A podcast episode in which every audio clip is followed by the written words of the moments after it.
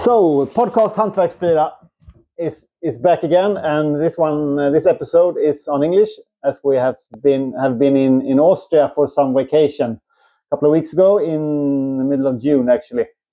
So it was me and uh, sidekick Johan who is present as well. Yep, I'm also around this time. Yeah, always nice. And uh, so we, we we visited some brewers on our uh, vacation in Austria, and uh, one of the breweries was uh, was uh, Stiegl, the well-known uh, brewery in Austria, Salzburg.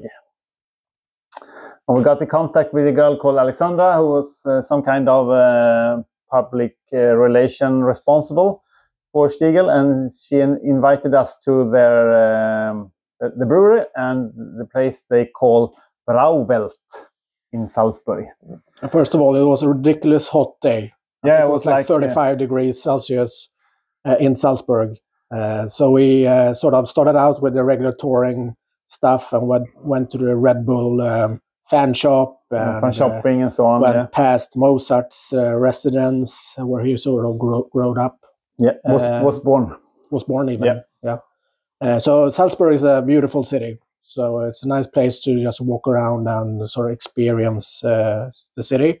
Uh, but after that, we had a, a mission to go down to Stiegl's uh, uh, brewery. Uh, so we just uh, found our way through the tunnels and made out on the other side of the city and then walked through like a couple of kilo- kilometers maybe. Yeah, yeah. Uh, so it was quite easy approachable even if you're s- sort of in the city center to, to, to walk down there. As soon as you have Google Maps, it's all possible. Yeah, exactly. It's just uh, effort. Just Right. effort. And if you have good motivation, then it's easier effort. Yeah, and uh, for those who doesn't know, it's uh, Stiegl in, in in English. It's a little stair, and their uh, their logo is actually little red stairway or stair as well. So uh, yeah, I mean, you made contact pretty much the day before we went there, Yeah, just on Uh, WhatsApp. uh, and we got in contact with with, with Alexandra that invited us over. So we went there and uh, reported ourselves in the reception. Yeah, uh, now the we're girl in, Handver- Hantverksbira is here. the girl in the reception looked at us in a bit odd way, or she was uh, maybe thinking about who are these two fellows. yeah, showing up here in the middle of the day. Yeah. Uh, but um, we were then uh, uh, greeted by uh, Wolfgang.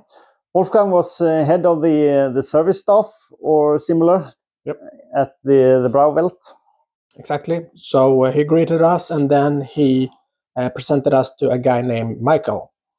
And Michael is sort of responsible for their tours uh, within this Brauwelt uh, concept that they have. And you will find out much more as part of the interview a- a- around what the idea is with Brauwelt and how Stiegl approach craft beer in their own way because Stiegl, as you also will know, is that it's quite like a traditional Austrian brewery, and it's a pretty big brewery as well. So it has um, uh, it, it's brewing like one, I think it's one million hectoliters Yeah. uh, a year, uh, and it's also uh, Austria's uh, biggest private-owned, Yeah, fa- family-owned, yeah. company, family-owned Yeah. company. Uh, so Michael took us down into the basement or into the cellar uh, where they have their uh, microbrewery uh, where, or house brewery, uh, where they uh, uh, experiment with craft beer initiatives. Uh, and the first part of this interview is where we sort of get down in, in the basement or in the cellar and start to talk about one of the beers uh, that we tried together down there. Uh, and he will also talk about the history and the future and how they uh, approach uh, craft beers. Yep. So uh, let's roll the first part of the interview, and then we'll be back again. So at the moment, we brew uh, four different kinds of beer. Um, in Austria, the thing is, uh, you know, craft beer is almost a curse word. now we are, we are so far behind uh, when it comes to this. Um, but you know, down here, um, we really try to live beer because um, two thirds of all Austrian uh, breweries are by now owned by Heineken, unfortunately. Is that much? Two thirds? That's much. yeah. Um, so uh, we are Austria's biggest private brewery that I left. We are still a family-owned business since 1492. And yeah, um, So, you say, so you have been in, in, in the same family since 1400? no, not the same family. Um, we have been in the same family since 1909. Okay. Um, the family name is Kiener, like K-I-E-N-E-R. okay. Um, yeah, they also have children, so I'm betting on a fourth generation. Ah, yes, you can see some brewmasters here. or one brewmaster, one brewer in this case. And yeah, um, we know very well that uh, with two thirds of uh, the Austrian beer market, we cannot compete in, uh, uh, in, in terms of uh, the amount of beer we produce. Um, we brew about 1 million hectoliters of beer every year. Um, and so we basically position ourselves in the market um, through a variety. So seen over the year, we have about 20, 25 different kinds of beer. Um, huge variety, going from zero zero non-alcoholic because you know non-alcoholic beer in Austria never means non-alcoholic. there is always like uh, 0.5 percent of alcohol left. Is, that, is that sort of the, the magnitude where you can diverse, like 0.5%? That's the margin um, where it's allowed. Is that same with all, all strengths? So it could be like 0.5% for both downwards and upwards? Yes, um, in Austria um, we pay our alcohol tax um, according to the original wort, not according to the alcohol. Um, because, yeah, as you said, you have this margin where you can cheat a little bit. Um, and so with the wort, uh, like for every full uh, degree of Plato, um, you pay more tax Okay, okay. yeah. in the end. Yeah. But uh, yeah, and down here, uh, one of the newest beers. I mean, this is also the longest name, Schneeweißchen und Orangenrot. It's a, a play on Snow White and oranges. Yeah, yeah. Um, it's basically a Belgian-style wheat beer, a wheat. Great. Yeah. Um, Perfect for summertime. that's why I chose this one for us to taste. Um, yeah, basically during the storage process, um, we use uh, orange peels and anise. You know, it can seethe in and gives you this strong flavor, but still is, you know, a Belgian style wheat beer very different um, from Austrian or, or Bavarian wheat beers, like not that filling, so to speak, very slim body wise, drinkability very high, and as you said, perfect for a day like this, like fruity. Yeah, just nice, I would say. Lovely, lovely style of glass you have here as well. But this is one of your like craft beer series. Yes. Here? And you said that this is still sort of an experimental area. Um, to some degree. Um, we used to have uh, a new beer for uh, every two months.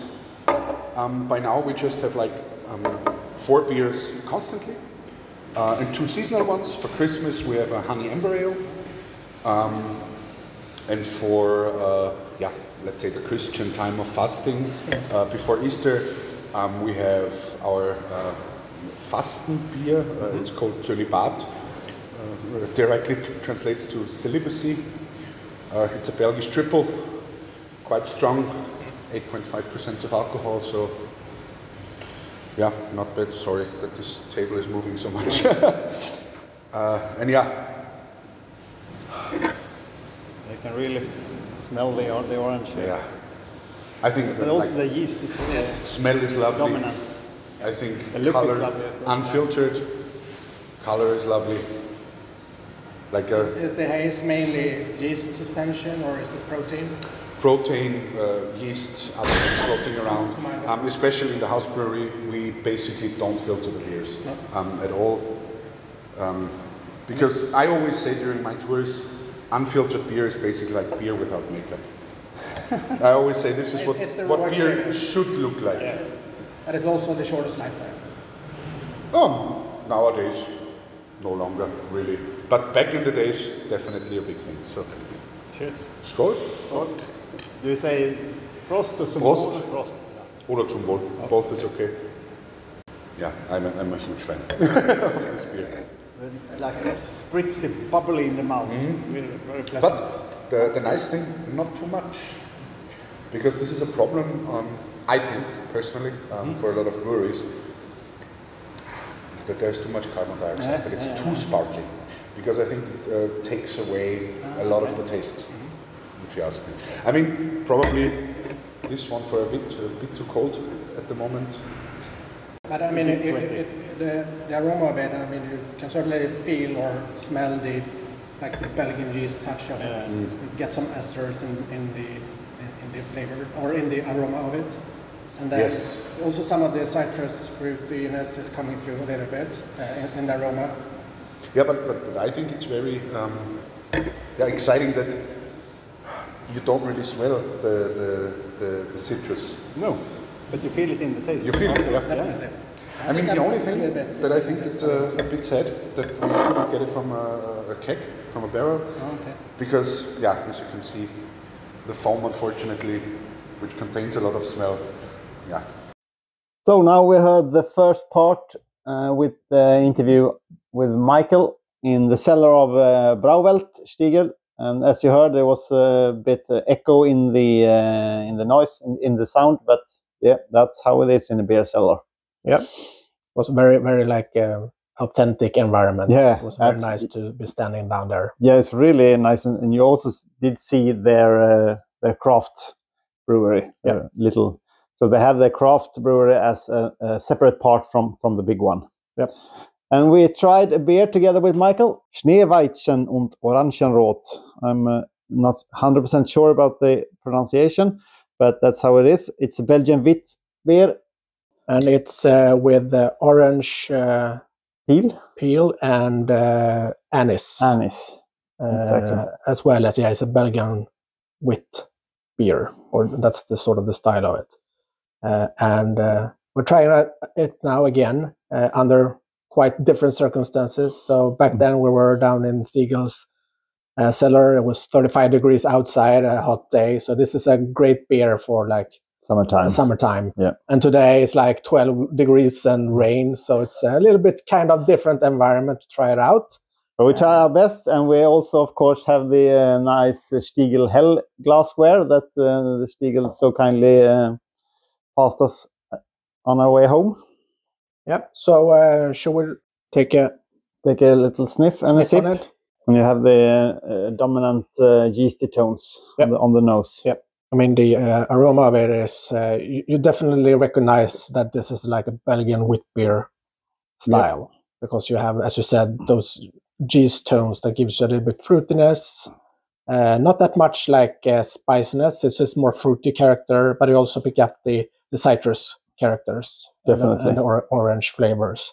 But the Yeah. anise is quite uh, hard to find. Yeah. Actually, I'm not 100% sure how anise smells like. Oh. I mean, it's some kind of licorice uh, taste of it, but the smell is uh, a bit unknown to me. Yep. And we should try it out in pure form. Yeah, we will. there, there's a lot of like uh, different kind of liquors that are that are um, like um, spiced or infused or whatever you call it with with anise. So it's quite like common uh, spice that you use in different kinds of uh, liquors uh, Around the including beers. Mediterraneans. So uh, yeah, so should we Yeah, we try this on one. it? And then we should, of course, say then Prost o- o- oder zum Wohl, as they do in Germany and Austria. It's, it's very refreshing beer. Yep. Um, it comes in only a 25 centiliter bottle, and they call it uh, house beer instead of craft beer. Yep. So, it's, So, but if we reiterate what they what they said initially in the first part of this uh, episode is that they they Stiegl is normally known for like for more traditional uh, Austrian beer. Uh, you will hear a little bit more about the like the different kinds of beer they do as well later. Uh, but their craft beer initiative or experiment is quite new to them, and that's what they do down in in the basement or in the cellar, where they experiment with new kinds of beers that potentially can reach an adoption in the bigger market. Uh, so my impression was that they are not going for like the extreme variations. Well, they have some like yearly beers that they just do like Christmas and I think it was around Easter time twice a year. That is a little bit more special, uh, where they do barrel aging and stuff like that. But my impression was that the ambition with the craft beer series that they try to introduce or work on is to get a bigger uh, adoption, like in, in in a bigger population. So it's not like extreme beers. It's uh, like um, beers that are easy to tolerate and accept, uh, but also bringing something new to the table compared to the traditional ones that they already do. And also try to, as you said, build some kind of bridge from the the core range over to the craft uh, range, and that's a, a, a reason they sell only these beers at the brewery. As they do it, they can also explain for the the guests the meaning of, and the purpose of these beers. So they they are really really taking care of the guests there and uh, get them to understand this is not a medicine. This is something else, and this is what you can expect and feel from this kind of beer. Yeah. So it's it's it's, it's a good way, even if we uh, think it's sometimes oh you don't sell it in the stores. How should you get people to drink it? Yeah. But uh, they will actually get people into the Brauwelt instead, to, and then talk about the beer. Yep. And that's something I mean we've probably discussed it several times uh, in in previous episodes of the pod, uh, where we talk about like the uh, how to um, how to move a feeling from the brewery to the end customer. And of course, the more parts of the chain that you can control, the easier will it be for you to sort of give that feeling or that experience to the consumers as well. And I think that's something that they try really hard here because, as you said, they don't commercialize the product, which means that it's only available at the brewery. That means that you have much, much better control both in like to present the idea hmm of this beer, uh, to um, how you serve it, uh, to make sure that you have like good conditions to make the beer fresh and appealing to the customer, and also create a clean, nice environment around it uh, where you can enjoy this. And that's like a way for you to uh, bring uh, or control sort of from product to end user experience or how you experience the, the beer in the end. Uh, Stiegl is very, very um, keen of the uh, having a clean environment and uh, not only uh, like a global environment, but the local in the brewery and in the in the beer garden and, and so on. Everything is like clean and uh, should make a proper proper look to you.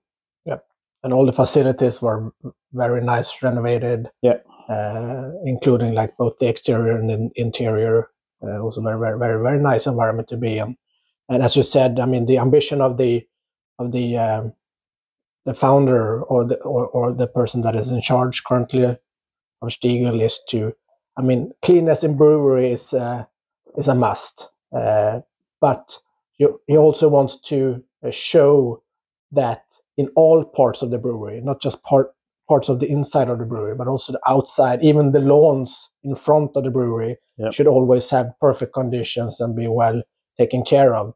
To sort of uh, give them the, give the idea or the impression to end customer that's, that the the pureness or the cleanness of the product goes all the way to the uh, lawn in that case, outside the brewery. It's not just inside the brewery.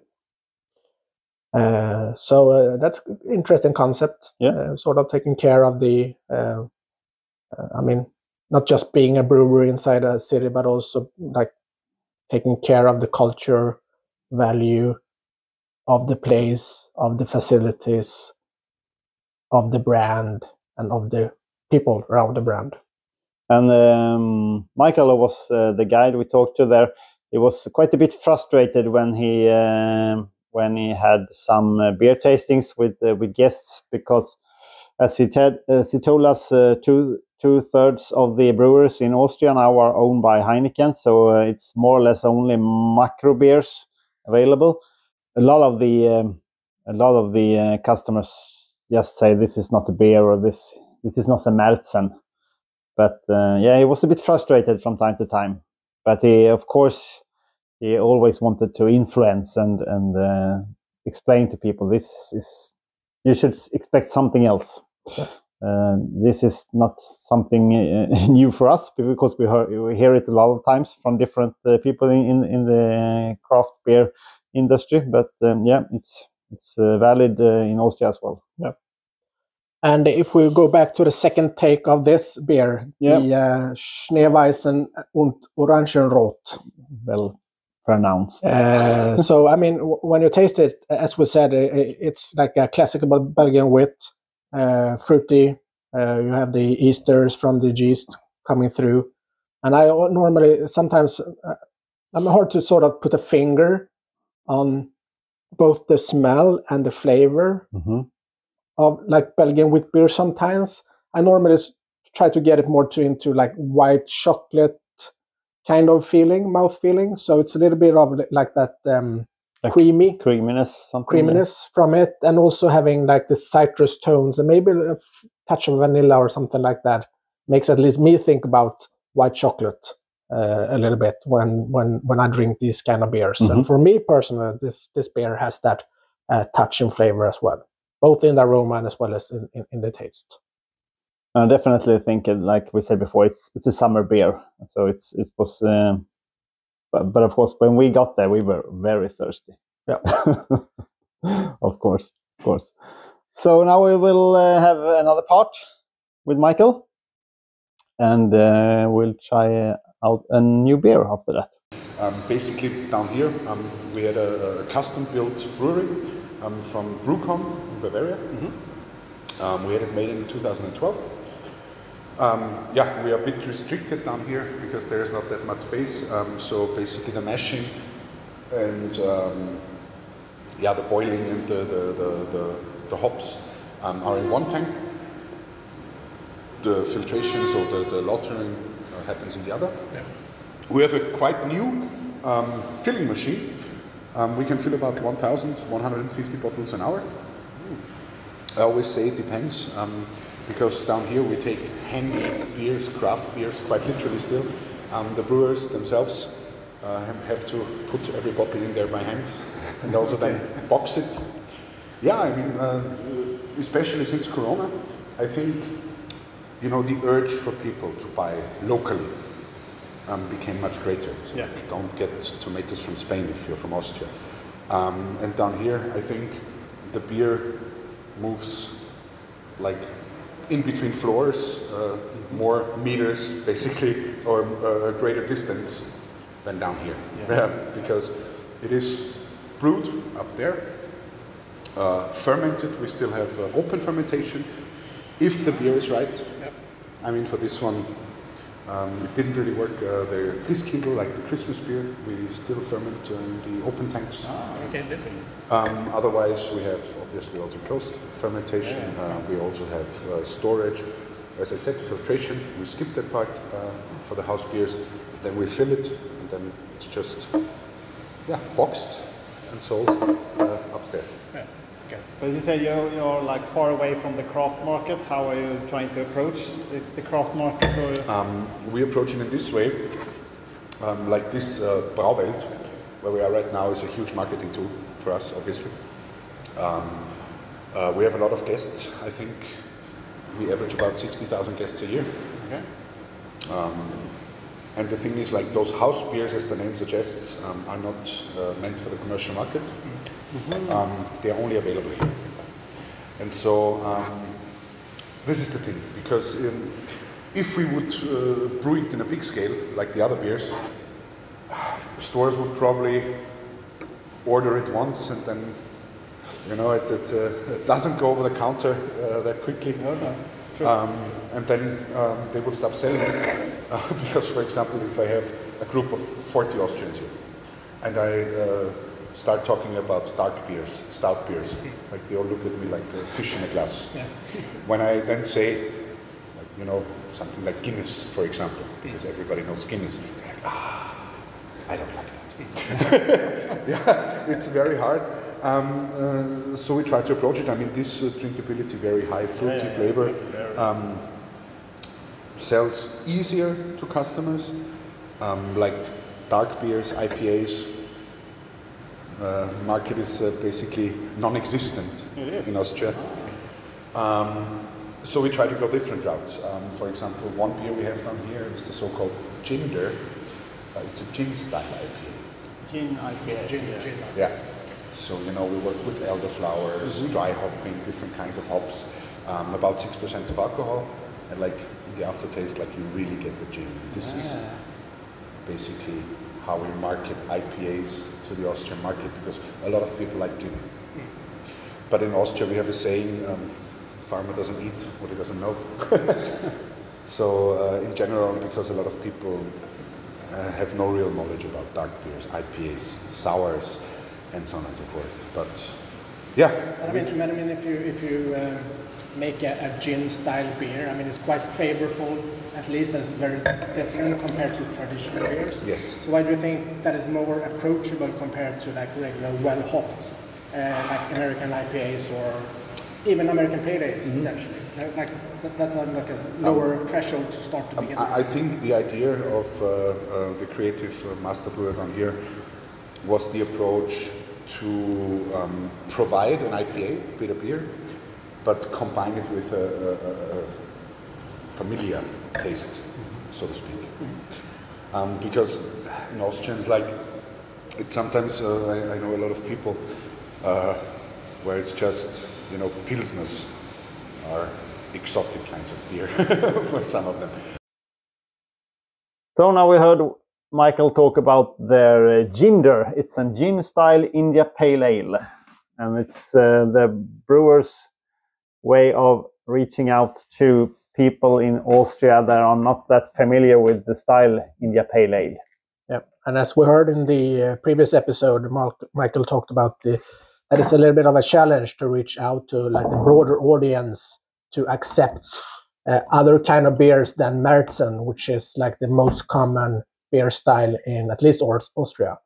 Uh, so in order to try to get more people try out alternative beers, like an IPA in this case, uh, they try to marry uh, something that a lot of other people like to drink, which is gin, uh, and they try to combine that with an IPA, uh, and uh, they get this uh, gin style IPA that should have some IPA tones. Uh, it's uh, well hopped, uh, And, and should- dry hopped as well. and dry hopped as well. Uh, so well, so so a lot of hops coming into it. Uh, it's I think it's like six percent Yep. alcohol, 5.8. five point eight percent alcohol. So it's um, like a yeah normal IPA in strength, uh, but they also try to infuse this um, uh, gin uh, flavor uh, into it And they put in uh, like elderflowers as, as well. as well. Yes. Yeah. So they're, they're, they're trying real hard to try to make like something. Uh, I would not say unique because there's a lot of gin style IPAs nowadays. Uh, this is not sort of the only one that exists, uh, but they're trying to use that as a way to approach uh, craft beer styles to more people. Yeah, and uh, as you heard, Wolfgang said, uh, sorry, not Wolfgang, Michael, Michael, uh, it's it's even hard to get people to try Pilsner. Yeah. Even if in, in our uh, craft beer world, Pilsner is like old-fashioned conservative beer style. Yeah. But uh, yeah, we shall have a, a uh, try on this ginger as we pour here in the nice Stiegl Hell glassware. so if you take a look at it, uh, it's a little bit uh, cloudy. Yeah, cloudy and some, some sediment as well. and some sediment. So there's uh, some some yeast suspension in it. Yeah, but I mean, in the flavor, in the aroma, when you sniff it, you definitely feel that Distinct tone, distinct tone of like gin, uh, like gin, right? Yeah. So uh, like classic classic gin. yeah, so it's herbal. It's uh, a little bit spiciness, Yeah, a little spiciness as well. Uh, I would say. but also a little bit uh, aromatic. I would say in, in the flavor. Um, it's it's would say- quite uh, quite uh, exciting smell uh, or aroma actually. it's very uh, very different, yeah. but it's it's It- more like we had some like this botanic Yeah, botanic lavender beer the other day. Yeah. yeah, they are also quite i mean smells a lot of the Yeah. Of, of the whatever flowers or whatever you use in in them they take a lot of presence at least in the aroma profile uh, so you don't i would say you don't smell that much of the original hop um, Even if it's dry hops with uh, with modern hop, you Yeah. don't feel it in, you don't the feel it because the like the gin style flavor is uh, taking Yeah. a little bit more control Yeah, I mean it's it's actually as you say, it's like kind of some some kind of botanical beer. Mm. Yeah. So let's have a sip. The the tones of gin is maybe even more notable now than uh, when we had it in the brewery. Yep. So but too. then then we had it not from bottle, then we have it from Tap. from from tap. Yeah, but yeah, it's very very distinct. I mean, it's you you have the um, the herbal character. You have the, you you pick up pretty much a lot of the flavors that you had in the aroma and the taste as well. I would say. Um, uh, you pick up some bitterness to it, yeah, definitely. definitely some Definitely. bitterness. So from that perspective, is is closer to to an IPA. Ah, yeah, it's, it's, it's even if it's as, as you say quite herbal, it's it's still an okay balance in it and uh, quite dry end as well. and you have a sort of a body to it Mhm. that sort of holds up a little bit uh, when you explore this kind of different flavors. A bit creamy mouth feel as well. So I think they, I mean, for for being like a conservative or or, or a brewer that has not done so much experiment of craft beer, uh, this is quite uh, a, a challenge uh, or a, a brave one. Yeah. I, I would say. Experimental one, but But- apparently it seems to be like the road forward for them in Yeah. Austria uh, to try to marry like people that are that like the gin flavor uh, and try to marry that with uh, alternative beer styles. Yeah. So of course that can that can be a way forward. Yeah.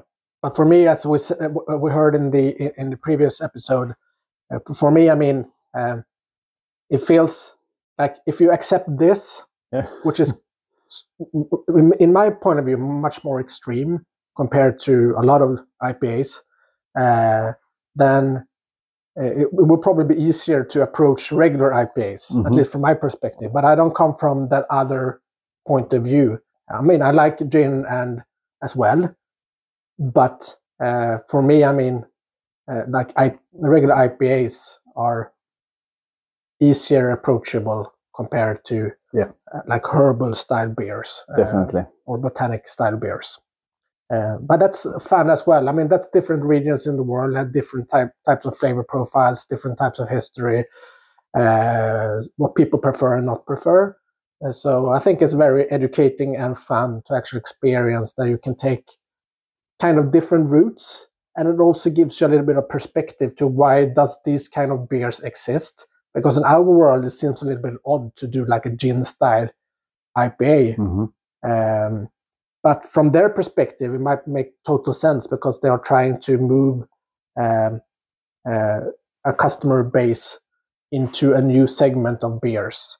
Uh, not because they must, because they would like them to explore and enrich uh, their um, um, experiences when it comes to, to beer. That is not just Mer- Märzen. There's other things to explore out there. And if you can trigger that with this, that's fabulous. Yeah, and uh, and I mean the brewers at Stiegl would like to brew more like craft beer style, because uh, Michael also said that there's this the, the little the little uh, craft brewery that, that they brew two thousand liter per batch. It's the most um the most popular place for the brewers to work in. Mhm. So um, they would like to experiment more, Yep. and they do. But of course, they have to have the uh, the customers for it as well. That definitely. But I think this one is it's an exciting beer. Yep. Definitely, and it comes in a nice uh, 750 ml bottle as well.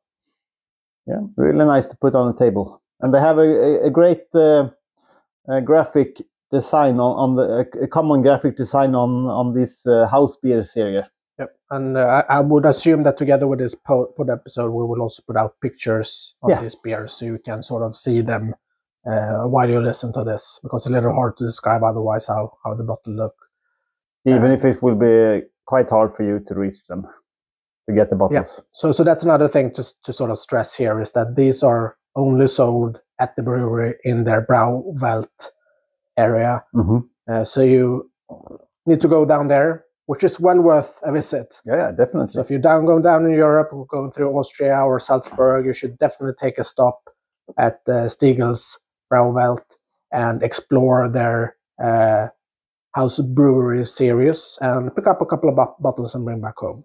And they have the guided tours both on, on German and on English, of course. Yep. Yeah. So um, And at least this summer is Michael taking care of that of Yep. them, but I don't know the future. But there will be a, there will be uh, people there that will take care of you, and they also have this very very nice beer garden in the center of the uh, of the brewery, uh, where you can sit down and and try all these beers as well as their regular ones as well, of course. Yeah, and from the also bigger brewery. and also get some recommendations how to combine the food and, and the beer as well. Yeah.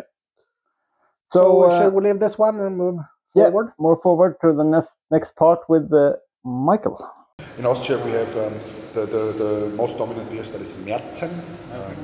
Uh, yeah, comes from the month of March. It's uh, come originates in 1902 um, from uh, a Viennese brewery. And like, this is it.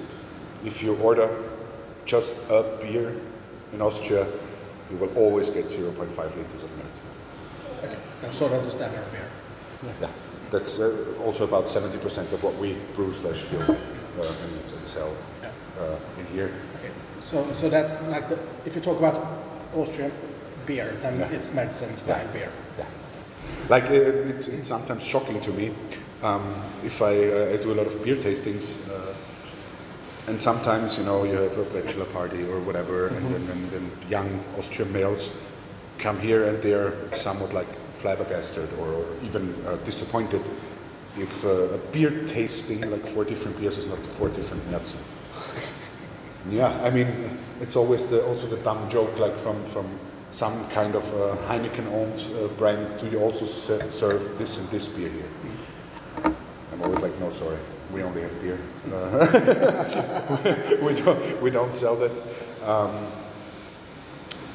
and yeah, it's, it's, it's, it's difficult in Austria. Like, um, uh, I have a, like, I try really hard during my tours to, to even force them because during our tours we have uh, three different beer tastings. Ah, Uh, and for the last one, we always have one of the house beers, like, I force them to try.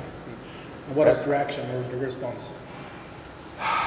The honest response is uh, probably um, sometimes, eh, like you have to get used to it.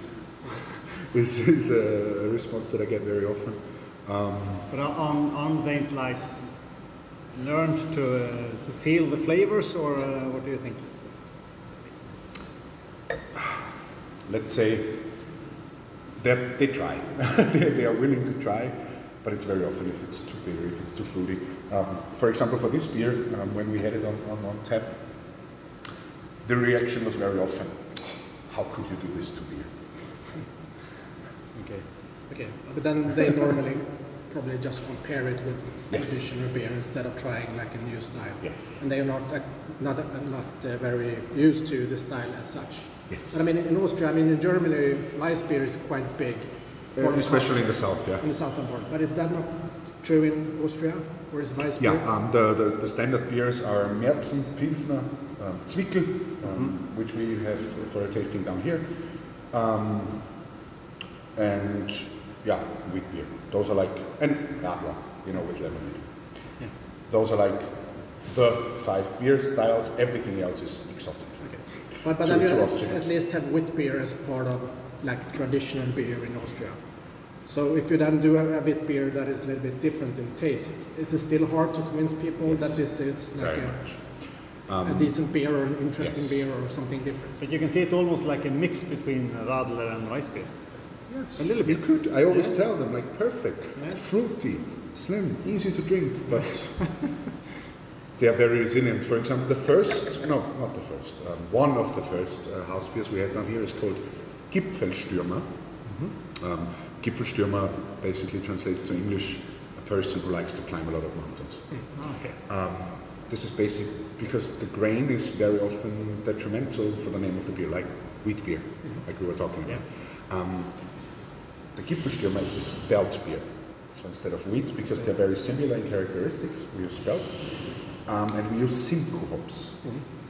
So a bit more flavorful. I always tell the people that's, like we were talking about, that's just a wheat beer with a little bit more character.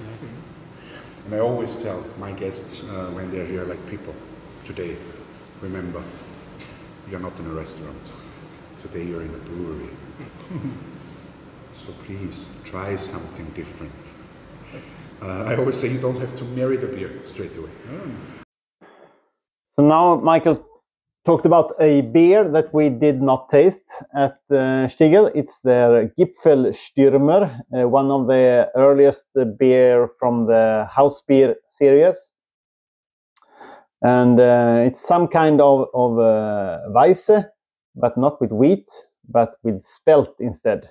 Uh, spelt is in Swedish and German dinkel. and uh, we have never tried it and i don't think i have tried a beer that is purely brewed on spelt wheat or spelled wheat I don't think so. uh, so it would be interesting to see how how it sort of compares to traditional wheat beers or wheat beers um, this one as well as marcus said is um, using simcoe as hops so it has uh, sort of this uh, combination then of like traditional wheat beer hopefully Yeah, uh, with um, some American uh, hop. almost like Hopfenweisse. Yeah. Hopfendinkel, Hopfenspelt. So was- uh, I mean, uh, we, we'll see where it will take us. So it will be a new experience if Victor managed to get the bottle open. it was really hard. Yeah. I'm on my way. Yeah, There, there it goes. there we have so it. this one also comes in the bigger, bigger bottle, uh, 750 milliliters, and um, if it's Simcoe in it, then we should probably, or we'll see. Maybe we should pick up some citrus, uh, maybe some uh, piney characters uh, from the hops. You feel Uh, you feel the aroma. I feel the aroma already. Yeah. It's a massive white head, of course. Massive white head On in, this uh, wheat style of beer, beer. character Yeah. style. It's also uh, hazy in character, so it's. Uh, Cloudy and some sediment. Cloudy. Yeah. And if we take a sniff on this one, You can you can always like hear the beer. uh, you hear the carbonation. I think it's almost remem- remembers a little bit about the about the ginger. Maybe, maybe because you We have it in didn't rinse glass. the glasses, yeah. But I would say, I mean, I, I pick up the uh, citrus Yeah. touch a little bit in the in, in the aroma of it, And the, the like banana flavors. a little bit maybe. Yeah. Or not flavors, aroma, It- of course. it- it- it's not uh, it's not invasive. It's very um, like sub- subtle. subtle. Mhm. Uh, but you, you probably have it there. I, I, I, I think I pick up the, the citrus a little bit more. And you also have like the classic Weiss beer touch of it Yeah. in, in the flavor. So it's probably, as you said, there's some some some yeast aromas coming through, and the citrus probably citrus is probably coming from the hops in this case. Yeah, and as Michael told us, uh, Weissbier is more common in the southern part than in the northern part. Yeah, so southern part of, of Germany, in Yeah. the Bavaria region, and it was also it's also present in in, in Austria Yeah, as like yeah, a beer definitely. style, uh, but it's not uh, as we heard in the previous episode. It's I mean, Märzen is the beer style that most people prefer, and all other beer styles play like second violin. Yeah. If you ask for a beer in Austria, you get the Märzen. Yeah, so it's like Storstark in, in, in Sweden, Yeah. Classic Storstark. classic Storstark. Uh, we tried a, quite a different uh, couple of Märzens as well. Yep. And some of them from the, the big brands and some of them from really local ones. And uh, it's it, a Märzen is not.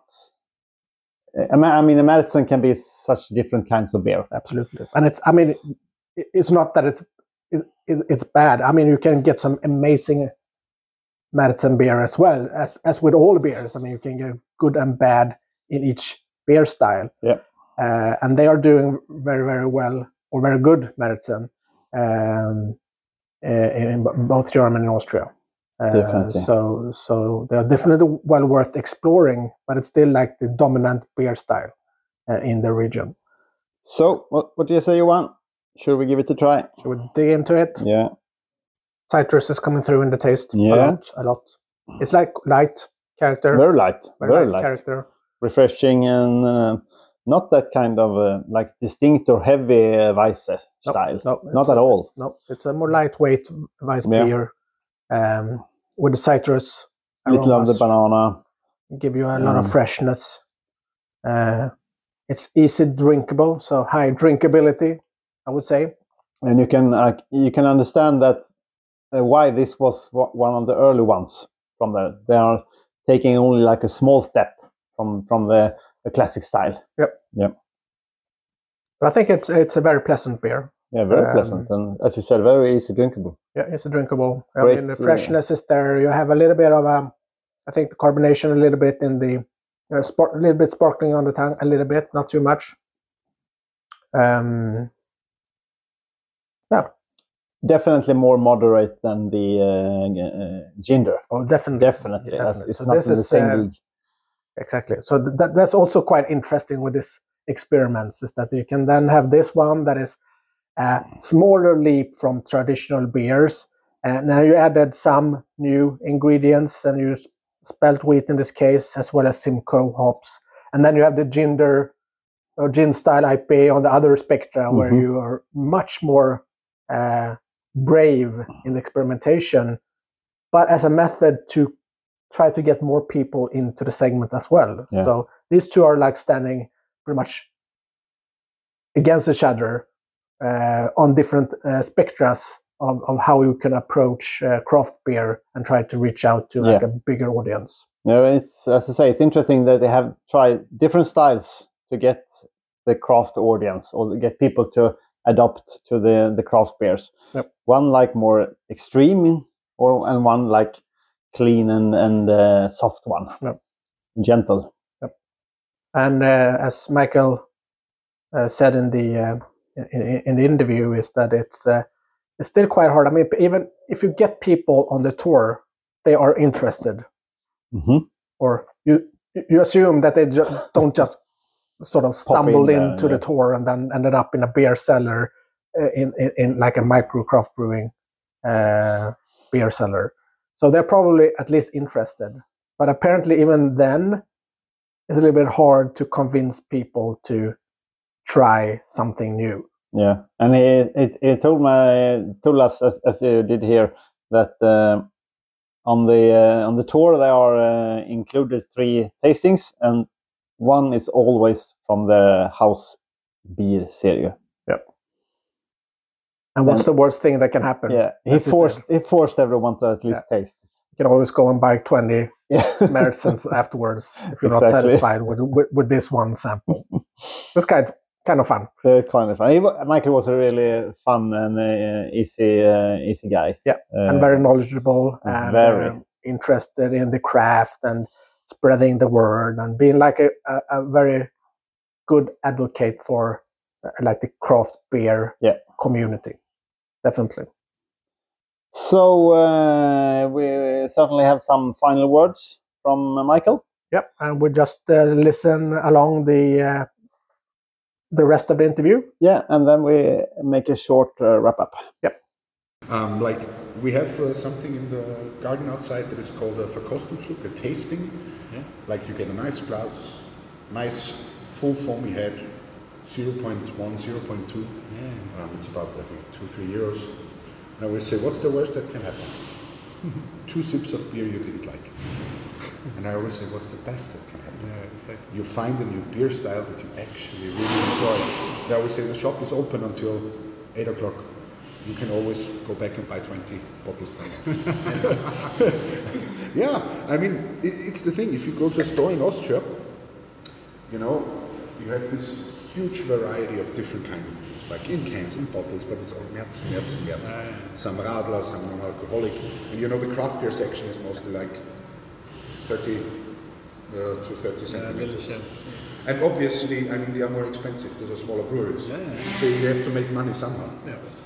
Um, and you don't buy it then. Because you're always like, "Ah, it's almost four euros. I mean, we are blessed, I think, in Scandinavia. Beer is a lot more expensive uh, than here in Austria in the stores. Um, Uh, Still, if you, you Yes say, and no. Yes and no. I mean, if you sell your craft beer here for like four euros for a 33 Mm-hmm. Centiliter bottle, I mean, I mean, with a euro right now, that's a decent craft beer in Sweden as Yeah, well. yeah, So I would say a lot of the craft beer in Sweden nowadays is between three and five euros, Yeah. and then you get the brand from from Swedish microbreweries all the way to American to pretty much around the world in Yeah. that uh, in that span Mm-hmm. of, of money. So I think in Sweden it used to be expensive, but nowadays I think we, it's it's still like expensive if you compare it to regular beers, Mm-hmm. but for the product that you get, it's still affordable.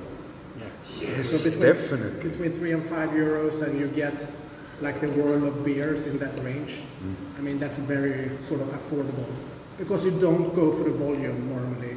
You go for the style, you go for the Yes. experience, and you go for that like like a few different brands you want to try out. and it's 100% worth it. I mean, um, those those breweries, you know, they, uh, as I said, they also have to make a living. Um, they carefully select different kinds of hops. They try out things, and so on and so forth. Um, but what I meant basically is the commercial product. Like um, our uh, most sold beer, the Märzen, is called Goldbräu, like the golden brew of Salzburg. Um, in the store, I think it's like one euro, one euro ten cents for half a liter, and so that's quite cheap. Yeah. And I mean, over the years, Yeah, it's been you know, it's an investment. it's been a few. Yeah. it's been a few, yeah. Yeah, I always say everybody can go to the gym, but that's that's years. It's years of commitment. But I mean, in Sweden, uh, uh, like a cheap uh, macro lager is, is the same price for half liter. Really? Yeah, it really is. One, one euro. Yeah, one euro. I mean, the, the, the prices for hops Yeah, yeah. skyrocket, and then don't even get me started on energy. Like you can imagine, like um, how nervous we got, you know, with the whole situation during Yeah. winter time. Of course. So yeah, I mean, if if, uh, if they shut the gas down, we're done. We're done. I mean, uh, we're- we are still able to, to, to use oil. Uh, Okay. we filled the tanks like half full, which would keep us going like two months if they would have shut it down. But yeah, luckily they didn't. So, so how much volume do you have in the in, in boil tanks here? Um, the big brewery, um, we have about uh, 650 hectoliters per batch. Um, we do about 10 batches a day. Um, the volume for the oil, close to 550,000 liters. And down here? Oh, down here it's 20 hectoliters per batch. Yeah. So now we should uh, wrap up our pleasant visit at uh, Stiegl Brauwelt in Salzburg. And you heard uh, Michael talk about uh, yeah a little a lot of the, the volumes they have in, in the brewery. Uh, want you have the figures there. Yeah, so um, uh, yeah, the, t- the total volume per year we had before is 1 million hectoliters Yeah. a year, but that's the big brewery. Uh, but we also talked about a little bit, a little bit about the differences between batch sizes. So when they brew a batch in the big brewery, they Like- do around 650 hectoliters. But when they do a batch down in the house brewery, they do 20 hectoliters. So I mean, 20 hectoliters is uh, comparable to like a Swedish microbrewery batch size. Yeah, so 2,000 liters compared to 65,000 liters per batch. Uh, we talked about uh, a lot about the different, like like um, how you uh, the price increase, uh, the increased cost for everything from uh, heating to uh, grains, yeast, hops, everything. Uh, and they also talked a little bit about their like gas dependencies that they Yeah. have, and that they were quite nervous during uh, initially during the winter time uh, because they can't last that very long without having gas uh, Supply, supplied to the yeah. brewery. Yeah, like two months. Uh, two months they couldn't For, go on uh, oil for two yeah. months, but then they are sort of out. Uh, so they were very sort of relieved that they didn't get a gas cut out during uh, the winter season this year. Uh, and then we also went into some of their special projects that they had down in the cellar. And one of those were actually doing some barrel aged uh, Mhm. beers. Yep. Uh, and one of uh, one of those uh, barrel aged beers that we talked about was their dark uh, double Bockweisse. And that's a uh, actually a style that we really love. Yeah. So I mean, double Bockweisse is uh, fantastic. We've tried several of those. Mhm. Those are like amazing beers. But not the ones from uh, Stiegl. No, no. Overall. I mean, Yeah. other double Bockweisse. Uh, and and this one, the dark one, barrel aged, uh, will be like three thousand bottles. More or less, yeah. more or less. And we don't know how it will be distributed, but probably it will be local, at least Or- from what we are, what we heard from Michael. Uh, so we anticipate that we need to go down to Salzburg again to pick up one of those uh, uh, dark double Bockweisse uh, barrel aged beers uh, in the fall uh, when they're done. Uh, but that sounds really, really uh, interesting and promising. Yeah. Uh, but they also had some other stuff going on in the uh, barrels, or at least a part of that project.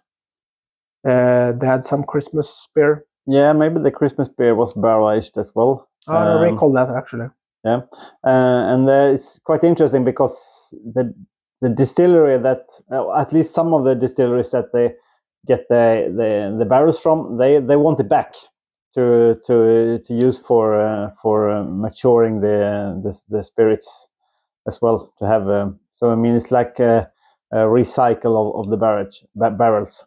Yep. So it's going back and forth. So Yeah. I put some spirit on it and then get it back, and then they age uh, beers on it in the brewery, and then they take it back and age some more spirits on it. So So some some of the barrels were uh, were quite old. Yep. So it's been like uh, for ages. Yep. So um, yeah, do you have anything you would like to to add? I mean, overall, I was. I mean, it was a very, very interesting and uh, uh, fun experience. And It was very very kind of of Stiegl to to take us uh, on the, those uh, on that short notice. Yeah, really and we got an amazing experience and we talked about beers and uh, like yeah everything from from beers to to marketing to to culture everything and you've heard all of this in in parts of this episode. We also we probably should mention that we had a session in the beer garden afterwards Yeah, where we we, tried some of the beers uh, from tap. Uh, and then we had a long session with wolfgang. Unfortunately we couldn't record that one uh, where we discussed everything from like how the beer garden worked there, how the uh, company worked, and also like this uh, profile that they try to establish with the clean cleanness. And also like uh, how they're dressed. Like How I mean, they're, dressed. they're all very much into details on on every topic. Yeah, and how they collaborate with uh, The uh, pubs and so the on. yeah. pubs uh, Yeah. to make sure that they also try to adopt the same, same kind of routines and hygiene routines that they use. But they were extreme in the beer garden. They cleaned everything at least once a day, but Yeah. every time they switched anything on the pipe or on the lines, they would clean the lines. Yeah. Uh, so they were very notorious about keeping everything clean. So uh, the experience for the end customers could be as optimal as possible when you actually get there and visit them in So- their beer garden. So if you want like the best Stiegl, you should go to the brewery. Exactly. Then you So- have it under the perfect conditions Yep. whatsoever. And it's open like midnight every day of the week. And it doesn't matter if you're more into traditional beers like like Märzen, or if you want to try out some more of these house brewery uh, experimentations that they have. Everything is available there on tap, uh, and you can uh, sit down there in this amazing beer garden in the center of the brewery. And uh, for people that, that travel, they even have ability to do to, to park uh, if you have like a what is called like mobile Camper van. camper van or Yeah. mobile home or whatever it might be called. You can actually park that outside the brewery and stay there over the night uh, and uh, spend the, the evening at the brewery, have dinner and try out the beers, maybe walk the tour. Or, And we would like to thank uh, Alexandra who uh, made this possible, and of course also Wolfgang and Michael for the hospitality to uh, to taking care of us in such a good way. So thank you, Stiegl and crew. And crew, yeah. And uh, in Sweden, uh, it's Galatea who brings in uh, Stiegl, and hopefully Galatea can uh, can bring out in some of the more exciting ones from from Stiegl in the future when they make it uh, possible. Exactly. Would be nice. So take care, guys, and cheers. Bye bye.